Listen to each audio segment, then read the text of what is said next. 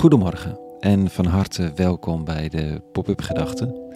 Ik ben Rico en ik schrijf overwegingen om de dag mee te beginnen. Vandaag met de titel Allemaal leerling.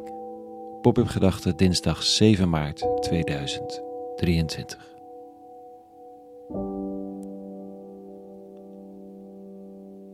Op een gegeven moment wil je er vanaf zijn. Klaar met de schoolbankjes, al zijn de stoelen op school allang geen bankjes meer. Tijd om aan het werk te gaan. De eindscriptie wordt ingeleverd of de laatste punten worden gehaald. Stages afgerond. Klaar ermee. Leerling af. Dan val je in een soort gat. Tenminste, sommigen van ons, want de overgang tussen leerling of student en werkende is nog lang niet zo eenvoudig.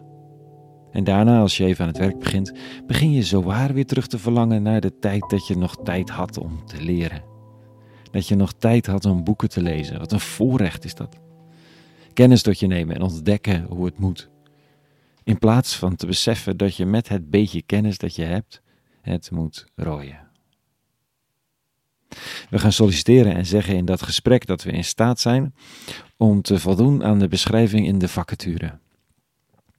We poetsen het wat op, projecteren alvast onszelf in de toekomst en zeggen dat we geknipt zijn voor de baan. Niet iedereen hoor, maar je kunt het je voorstellen. Vervolgens krijg je de baan en besef je dat je het moet waarmaken ook. Dat kan goed gaan. Maar het imposter syndroom is wijd verspreid. Het is een officiële naam geworden, dus dan weet je het wel. Het gevoel dat je absoluut niet kunt wat je aan het doen bent.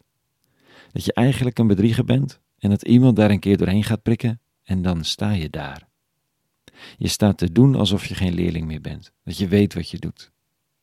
Maar in die zelfverzekerde buitenkant huist een onzekere leerling die zich nog afvraagt of je dit moet weten voor de toets en of je er een cijfer voor krijgt.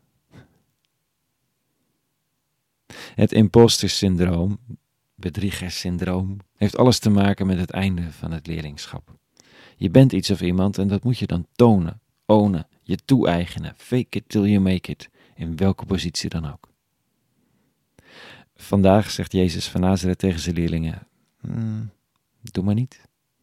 Begin er niet aan. Word nooit een imposter. Ga niet zitten te ownen. Noem jezelf geen pater of vader, geen dominee of wel heer, geen titel, geen leraar, niets. Ik weet niet precies wie er heeft zitten slapen in de kerkgeschiedenis.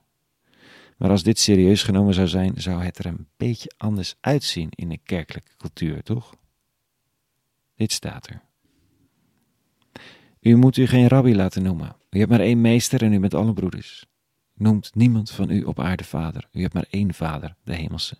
En laat u ook geen leraar noemen. U hebt maar één leraar, de Christus. Wie de grootste onder u is, moet uw dienaar zijn. Dit zegt hij onder andere tegen Petrus, waar een verering voor op gang is gekomen van heb ik jou daar. Je zou natuurlijk dat kunnen verdedigen, dat te zeggen dat hij het zichzelf niet mocht toe-eigenen, maar dat dit nog niet zegt wat anderen voor eer hem mogen geven. Wat een echte theologische oplossing is en een beetje problematisch. Want als je Petrus op een voetstuk mag zetten, ja, dan mag je natuurlijk ook de opvolger of de plaatsvervanger of wat dan ook op een voetstuk zetten. En dan staat er iemand net naast het voetstuk en vlakbij het voetstuk. En dan heb je pas de rest van het volk. En dat zijn allemaal leerlingen. Die moeten het nog leren.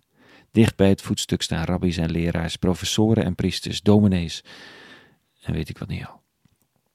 Die vervolgens weer klagen dat de druk zo hoog is, want het is alsof zij moeten geloven voor de goede gemeente, dat zij geacht worden het te weten. Ja, nogal wie dus.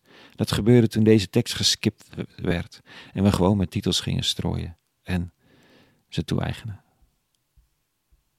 Goed, interessant natuurlijk om de kerkgeschiedenis de maat te nemen, maar het zit allemaal wat dieper en breder verspreid dan dat. Kan ik leven als leerling? Kan ik de positie van leraar weigeren? Wie de grootste onder u is, moet uw dienaar zijn?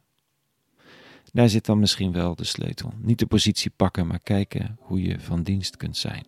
Met wat jij ondertussen geleerd hebt. Terwijl je een lijntje houdt met je enige echte eigen leraar, de eeuwige of goddelijke en verder. Niemand, niet echt. Altijd freelancer, in dienst van de eeuwige. Toevallig soms op een plek beland waar je wat moet zeggen of doen.